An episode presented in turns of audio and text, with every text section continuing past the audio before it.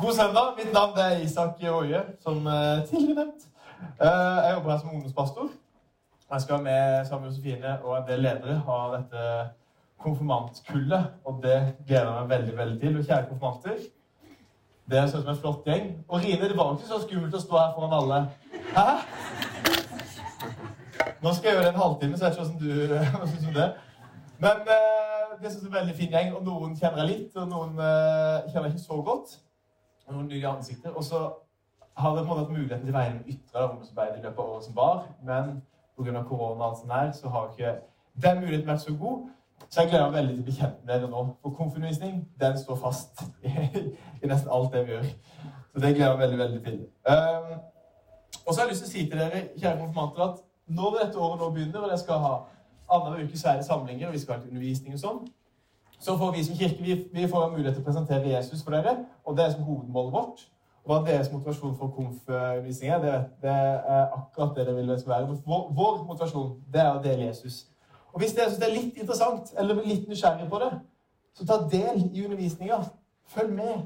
Delta. Vær aktiv. Still spørsmål til oss ledere. Ta, ta grav og, og bor liksom, i alt det vi har av svar, og det vi ikke har av svar. For en unik mulighet for dere på en måte til å utforske litt og se hva er det her går ut på. Kanskje er det noe for deg, kanskje er det ikke, men gi deg iallfall en sjanse. Og nå har du et helt år på å gi det en ganske fair sjanse. Og det er vi ledere klare for å ta imot. Så ikke sitt bakerst i med mobilen eh, lett tilgjengelig i lomma og eh, sov, men følg med på det som sies. Eh, for vi tror at dette her blir veldig, veldig bra. Mitt navn er som sagt Isak, 25 år, bor på Odderøy, gift med Amanda og heier på Arsenal, så det blir forbund etterpå for, for undertegnede. Det er ikke så lett alltid å være fotballfan. Og det er ikke alltid så lett å være menneske, holdt jeg men det er ikke det jeg skal snakke om nå.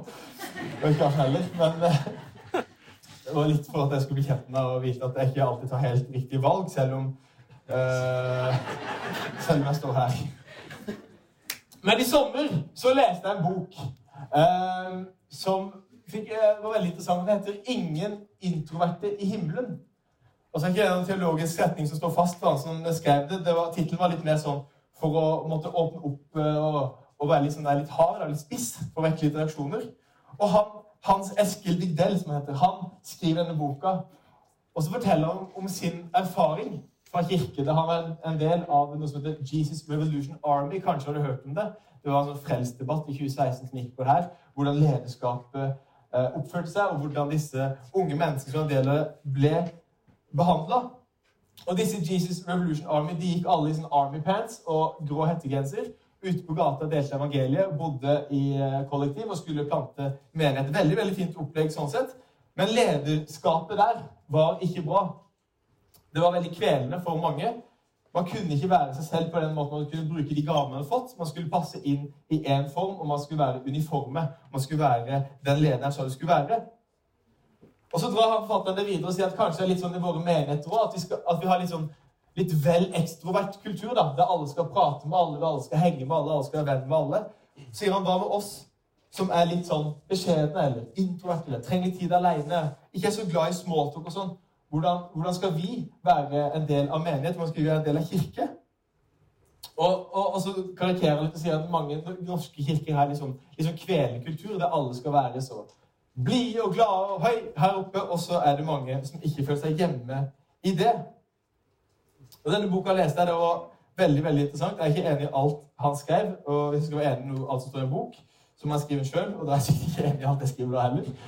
Men veldig interessant hvordan den kulturen var veldig kvelende. Og så begynte jeg forrige uke på en podkast som heter The Rise and Fall of Marshall, som handler om en kirke i USA som vokste fram på 90-tallet, og så bare whoosh den steig, mange ble en del av kirka.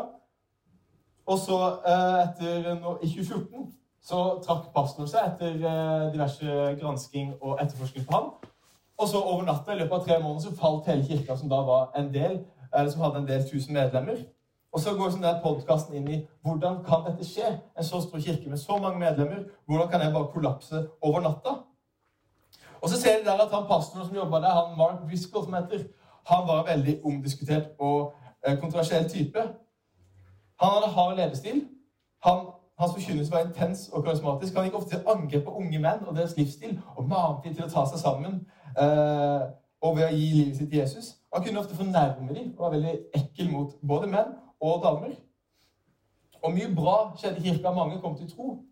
Men mye vondt skjedde på veien opp pga. hans lederskap. Og Hal Driscoll han går så langt som å si at kirka hans det er som en buss. Enten sitter du på bussen, eller så blir du overkjørt av bussen. Og når kirka er der, da er ikke et mye bra sted å være. Og så er det mye som kan virke som suksess på avstand. sånn som, ok, Det er mye gode resultater, men innerst inne så kan det være råttent og ikke bra i det hele tatt. Jesus Revolution Army var ganske imponerende i sin framgangsmåte og sin iver og måte bare kjøre på, på et, med et konsept. Men mange sitter hjemme så etter det. Og Mark Driscoll han, og mange som kom til troen, ble en stor kirke, men når du omtaler kirka som en buss, og hvis du ikke henger på, så blir du kjørt over, da er ikke det veldig, veldig bra.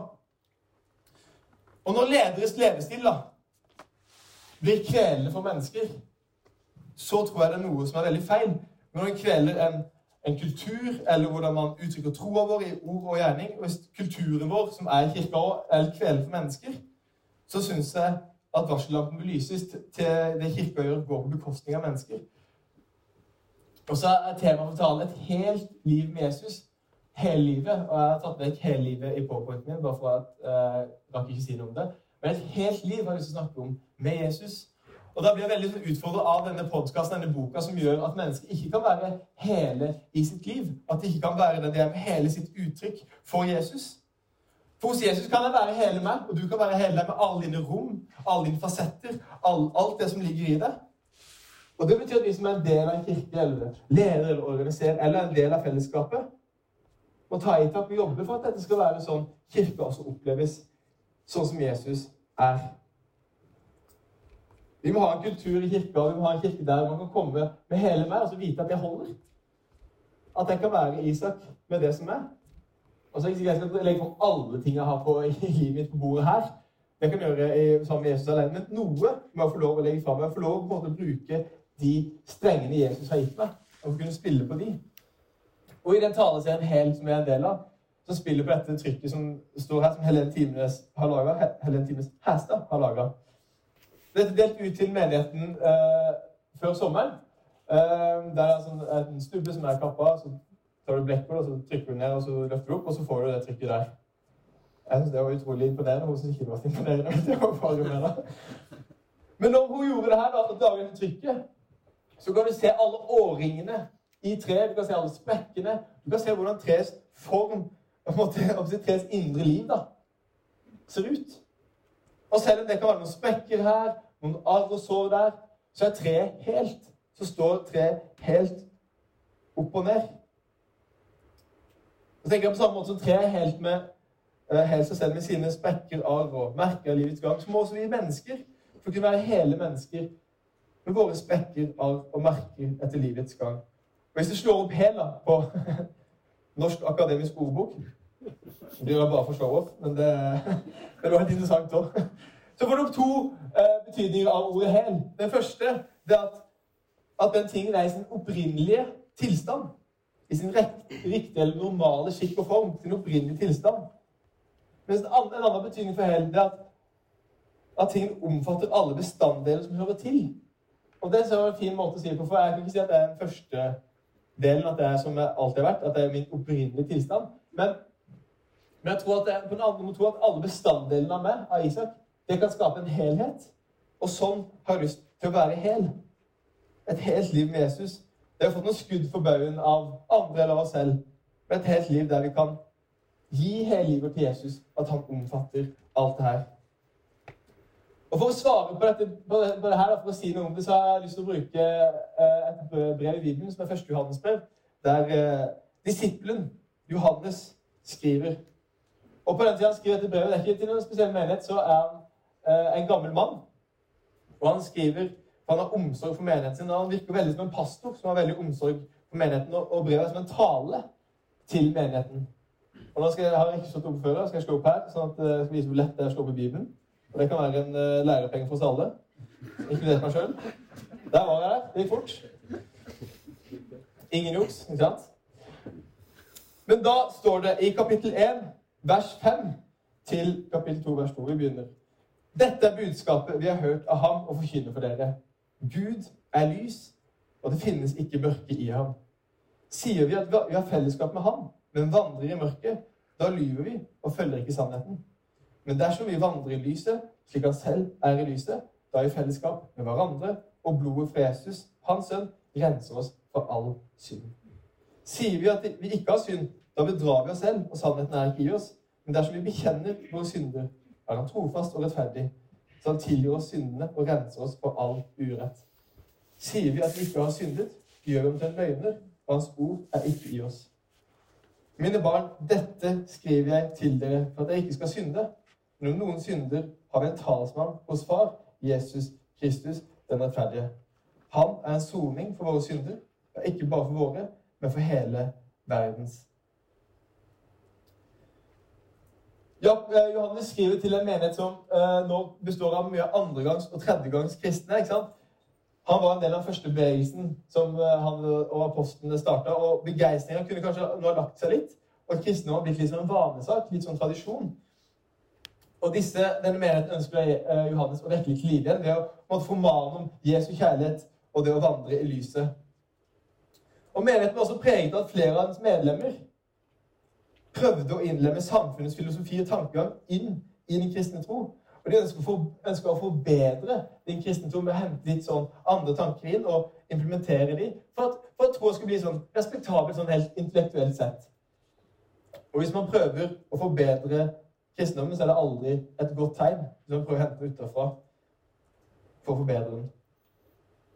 Og Johannes han ønsker å gjøre det her ved å, eh, å svare på disse utfordringene som er i menigheten. Han prøver å gjøre det ved å uh, gjøre gleden i menigheten fullkommen. Og formane til at de ikke skal synde. Og så står det i en bok jeg leste, at Johannes ser, at klart, ser klart at selv om den gale verden kan virke aldri så attraktiv, så ligger det ikke i den natur å kunne skape lykke. Å gi folk en glede og holde det borte fra synd er ett og samme. Og Poenget her er at målet til Johannes er to ting. Å, vise menighet, å gjøre menighetens glede fullkommen, og at de ikke skal synde. Og så sier forfatteren av en uh, kommentar jeg leste, at dette er samme greie. Det vi gjør som virker så attraktivt, men som egentlig er synd, det kan ikke skape lykke. Men det å stå bort fra synd, det, kan også, det skaper også lykke. Dette er ett og samme. Og så begynner første verset, da at Gud er lys. Gud er lys, og det finnes ikke mørke i ham. Og Dette sier også noe om lysets egenskaper. Det, er mange. Og det sier også noe om Gud. Gud er full av prakt og herlighet.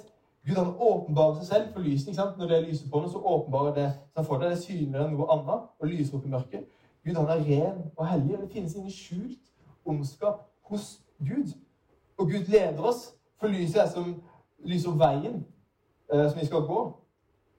Og så sier han at lyset er om hvilke, sier om hvilke avslørende egenskaper det er hos Gud. Det er som når vårsola står inn gjennom vinduet, og, og du ser alt det. Støv, i vinduskarmen, hybelkaninen på gulvet, fingermerker på dørene og det som er. Det er derfor jeg liker best regnværsdagen når jeg er hjemme. At ikke sola kan stå inn og vise hvor dårlig det er til å vaske. Og bare så, eh, I går så kom jeg hjem fra ungdomsarbeidet litt sent på kvelden, og så var det mørkt i stua. Eh, og så sa jeg at jeg skulle spise litt, og så så jeg på kjøleskapet at det virka litt reinere enn det var før jeg reiste. Kan Amanda ha vaska det? tenkte Jeg Jeg skal ikke si noe. Jeg skal ikke gi henne en uh, urettferdig kompliment. Som ikke er nødvendig. Jeg venter i morgen for å se hvordan lyset da kommer inn. For å se ok, det er bekrefta. Det er faktisk vaska. For det er noe med lyset som lyser opp og avslører. Og her har jeg lyst til å, til å, til å si noe om det at Gud kan avsløre oss. Gud kan avsløre oss, og det er litt utfordrende å si og, og, tenke på og kjenne, men Gud kan avsløre oss. Jeg kjenner mitt liv og mine indre greier, og det er også Gud, uten å ha sagt alt til ham. Og Noe av det, noe av det beste og det verste jeg vet, det er å, inn, å bli avslørt av f.eks. Amanda. Når hun da, Det er en krevende øvelse. For eksempel, så Jeg må åpne om rom for henne. Jeg må si noe til som ingen andre vet. ingen har hørt. Men også er det veldig deilig og frigjørende. For da var det ute i lyset. Det er ikke skjult lenger. Det er, jeg trenger liksom ikke lenger å fake. Det er avklart. Jeg trenger ikke gjemme det eller skjule det.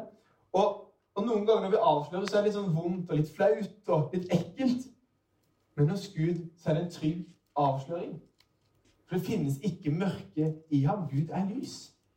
Så vi blir avslørt på våre dårlige dager, på, våre, på det vi har gjort galt, på de tingene som ligger der. Så, så er det ikke sånn det er ikke noe ondskap i han i det. Han er ikke ute å ta det.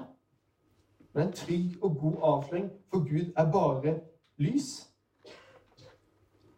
Og så tenker Jeg både, jeg begynte litt med det med fellesskap. da, at hvis, at eh, Jeg snakker om disse kristne fellesskap som ikke gikk så bra. Og så skriver han der kommentatoren leste at uh, tilbyr vi uh, et menneskes egen karakter, vil formes av karakteren til en gud han tilber.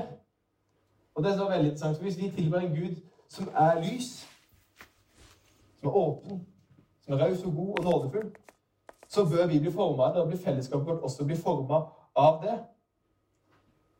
Så Gud han kan avslå oss med sitt lys. Lyse inn de mørke rommene mine. Men en trygg og god avsløring. Ok, her er det. Nå slipper jeg fake. Nå kan jeg legge det fram for deg. Og så er det krevende. Og så er det så sinnssykt krevende. Men det er så veldig deilig og frigjørende når man først har gjort det. I skapelsen er det at Gud skaper lyset først. Og etter lyset så faller alt det andre på plass. Hav og himmel, jord og fjell og alt sånt der. Og litt sånn tenker jeg det er også det her, at lyset først kommer inn, og så kan ting falle litt på plass hos Gud. Gud er lys, og det finnes ikke mørke i ham. Videre så skriver eh, Johannes at sier vi at vi har fellesskap med ham, altså med Gud, men vandrer i mørket, da lyver vi og følger ikke sannheten. Men dersom vi vandrer i lyset slik han selv er i lyset, da har vi fellesskap med hverandre, og blodet fra Jesus, hans sønn, renser oss for all synd. Og Mitt neste punkt er kanskje litt utfordrende, men uh, det er at uh, vi ikke må lyve til andre. Vi må ikke lyve til andre. Og Johannes gjør etterfølgelsen av Jesus veldig konkret her. Sier vi at vi har fellesskap med Gud, men vandrer i mørket, da lyver vi. Et liv i mørket og samfunn med Gud det kan ikke henge sammen. Men vandrer vi med lyset slik han er i lyset, det har jo fellesskap med han og med hverandre. Vi har fellesskap med hverandre i den forstand at det er ikke noe skjult oss imellom lenger. Det er ikke noe som skiller oss. Men vi kan være, leve tett og nær. Kanskje litt utopisk, men samtidig tror jeg det er noe i det. Og så er det viktig å understreke at dette med å vandre i lyset ikke handler om å være fullkommen og klare alt. Det er ikke det det handler om. For det er ingen av oss. Det å komme til Gud det krever ingen sånn opprydding på forhånd eller skal renske vekk det her. Men det handler om å innrømme synder. Ta imot tilgivelse. Og det er mye bedre, og For de som har smakt tilgivelse, smakt frelsen, så tenker jeg det er mye bedre å være der i lyset enn å vende tilbake til mørket. Og den som sier at vi har fellesskap med Gud, men vandrer i mørket, lyver og følger ikke sannheten. Og Poenget er at vi må ikke lyve til hverandre, si noe og gjøre noe annet. Vi må ikke fake for hverandre, men leve et liv i lyset, i Guds lys. Og leve åpent med ham, åpent med andre. Vi må ikke lyve til hverandre om det livet vi lever. Og neste, som Johannes skriver, er at sier vi at vi ikke har synd, da bedrar vi oss selv. Og sannheten er ikke i oss. Men dersom vi bekjenner våre synder, er han trofast og rettferdig, og han tilgir oss syndene og renser oss for all urett. Sier vi at vi ikke har syndet, gjør vi ham til en løgner, og hans ord er ikke i oss. Og et annet punkt er at vi ikke må lyve til oss selv. Vi må ikke lyve til oss selv ved å si at vi ikke har synd, eller vi ikke har synda. Fort kan man ende opp med å skylde, eh, Hvis jeg dummer meg eller gjort noe galt, så kan jeg fort ende opp med å skylde på andre eller rundt meg. Hun sa det, så da måtte jeg reagere sånn, eller oppveksten har vært sånn, eller miljøet rundt meg sånn. Jeg preger den tankegangen der. Et eller annet legger vi skylda på, men så er det til slutt jeg som står ansvarlig for det jeg selv gjør. Og fakta er at vi alle Jeg tror ikke vi må spole så langt tilbake noen av oss for å kjenne på sist gang det var sånn her Stemmer det? Det var det jeg gjorde. Der gjorde jeg urett. Der, der dreit jeg meg litt ut. Jeg tror synd er en ganske reell ting. Selv om jeg ikke tror på, på tro eller på Jesus, eller noe som helst, så jeg tror samfunnet, samfunnet vårt også sier noe om at det finnes noe som er rett og galt. Vi har norske lover. Da Petter Northug kjørte i 200 km i timen og alt det der, det styret som rundt ham, så var det en ting at han var dømt etter norske lover. Han fikk fengselsstraff og alt sånt der. Men samfunnet fordømte han ganske hardt også, som forbilde av alt det her. Jeg tror det er en sånn forståelse av synd eller rett og galt i hos oss også. Og så var det en pastor han fortalte en gang at han var, da han var ung, så var han i kirka på et møte, og så kjente han seg veldig sånn tynga av alt han gjort galt, og synd. Så han tenkte han måtte gå til forbønn for å legge deg fram for, for, uh, i forbønn. Og så bare, ok. Så gikk han til forbønn, møtte en eldre dame der som var veldig kjent i menigheten. og Eldre dame som alltid var der, og veldig god til å be alt det der. Og, og, og han sier åh, det er, så, er så mye synd. Det er så mye galt. Uff, det er veldig, veldig mye galt. Jeg har så mye i livet mitt som jeg ikke, som jeg ikke får til. Og så svarer den eldre dama at å, kjære deg, det står verre til med med enn som så. Og så var det litt sånn Ok, tusen takk. Men samtidig så er det noe med det, tror jeg. At selv om ikke synd er det ordet vi bruker mest, og kanskje utdatert, så tror jeg vi alle har de tingene her som ligger på oss. Og vi må ikke lyve til oss selv og si at vi ikke gjør det. Men vi må være åpne om at vi gjør det. Så står det også at vi ikke må lyve om Gud. Sier vi at vi ikke har syndet, da gjør vi Gud til en løgner, og hans ord ikke gjør For han har sagt at vi synder. For han vet det veldig godt. Men dersom vi bekjenner vår synder, er trofast og rettferdig. Og dette er litt interessant, for, for hvis jeg har gjort noe galt jeg har synda, gjort noe galt, og Gud er rettferdig, så må, burde jeg på en måte straffes hvis jeg har gjort noe galt. ikke sant? Det er jo litt sånn samfunnet fungerer. Du gjør noe galt, så får du en straff.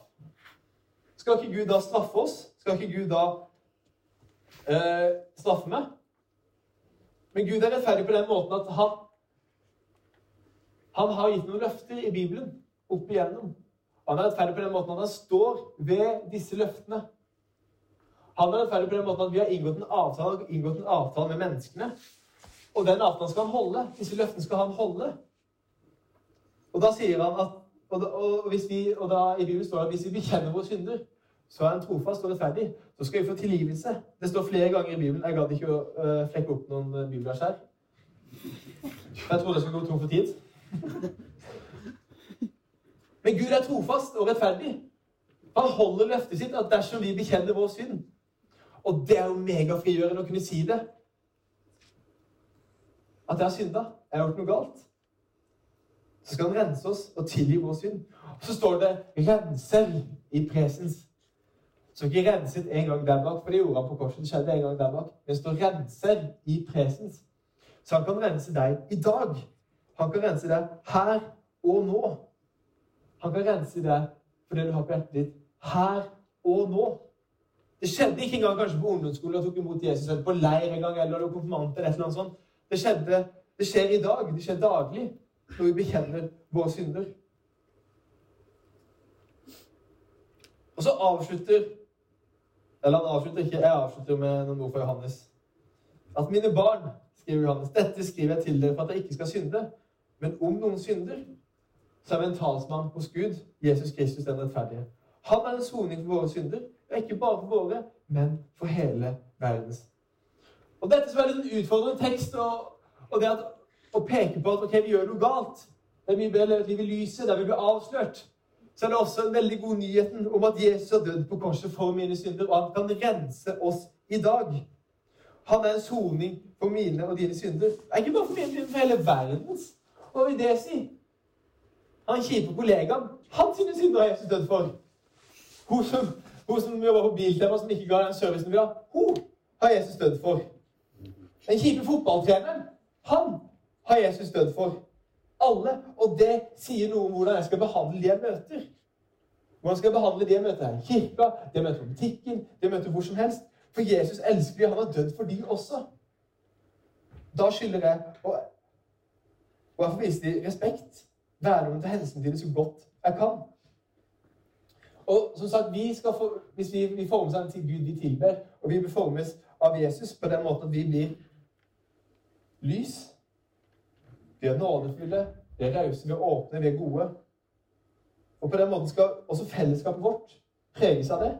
At vi skal være et tegn på Guds liv som nåde. Og Litt av min hensikt med å peke på akkurat den teksten som sier dette med å leve i lyset, og det å bli avslørt, og det at vi synder, så er det noe med at vi alle synder, så vi må være åpne for det. Vi bør alle leve lyset. Og vi bør ta imot de som kommer fram til lyset ikke sant? og bekjenne sine synder. Og slik et fellesskap bør vi også være. Og så begynte jeg med å fortelle om uh, Jesus Revolution Army og Mars Hill Church. Og disse lederne de opphøya seg selv og var arrogante og krenka mange og drev mye rovdrift for mange mennesker. Veldig sånn hierarkisk lederstruktur. Og så drev de ikke sine organisasjoner og sine fellesskap i tråd med det som står i Bibelen. Og Noe av kjernen også i dette her med lederskapet deres det var at de ikke levde lyset, og det kom veldig tydelig fram i en del podkaster når jeg ser at disse lederne de hadde mye de skjulte. De hadde mange svin på skogen og ikke, var ikke åpne. De hadde ingen som de måtte, måtte betro seg til, eller stå ansvarlig for. De var øverste ledere og nesten feilfrie i fellesskapet. Og så sier en pastor som heter Eugene Peterson, han døde for noen år siden, han sier det. det er et bibelsk fakta at det ikke finnes noen suksessfylte kirker.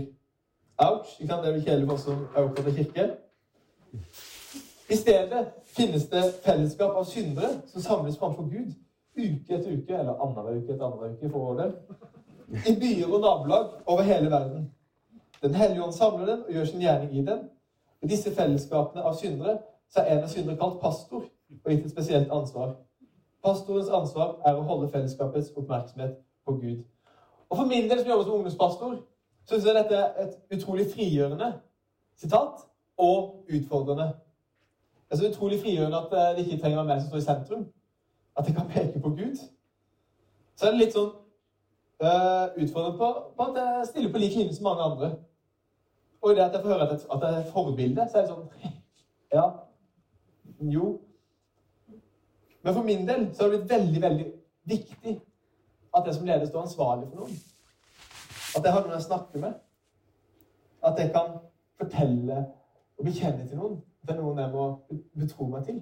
Så at jeg ikke lever i min egen boble og ender opp som en sånn usunn leder som uh, tror at en selv er feilfri. Og Poenget er ikke at jeg løfter meg veldig høyt opp og sier at wow, så from Isak er. Men poenget mitt er at kanskje dette er en utfordring til oss alle. Jeg tenker at vi er et fellesskap av syndere. Og fokuset er Jesus. Og fokuset er Gud. Og det finnes ingenting som er suksessfullt i kirker. Det er bare et fellesskap av syndere. Og det gjør at det sier noe om at vi, vi trenger om at vi kjenner og lever lyset. Og en, en, eh, forfatter her hjemme i Norge, Geir Otto Holmås, han, han, han skrev i en bok at en, usunn, nei, en sunn åndelig leder binder deg til Kristus og ikke til deg selv. En, en, sunn, en sunn åndelig leder binder deg til Kristus og ikke til deg selv. Og det må også være målet for alle fellesskap òg. At ikke vi binder oss bare til fellesskap og fellesskapet selv, for vi er gode venner, men at fellesskapet binder enkelte til Jesus. Og da binder også store fellesskapet til Jesus. Det blir viktig for meg at, vi, at det, er Jesus som er fokus her. da. Det er han som er fokus. Og i han, som er lys, så avsløres vi. Men skal også leve i lyset. Hos han skal vi bli utfordra, men det trenger vi. Folk som ikke blir utfordra, de utvikler seg ikke.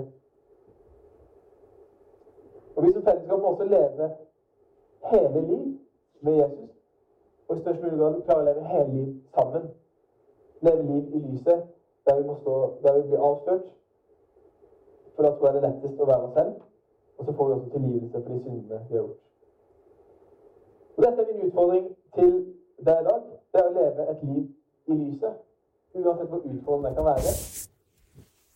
Men kunne bekjenne de syndene. At det er litt deilig, litt frigjørende.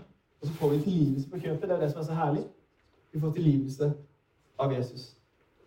Jeg avslutter med å be en bønn før vi skal synge et par sanger sammen.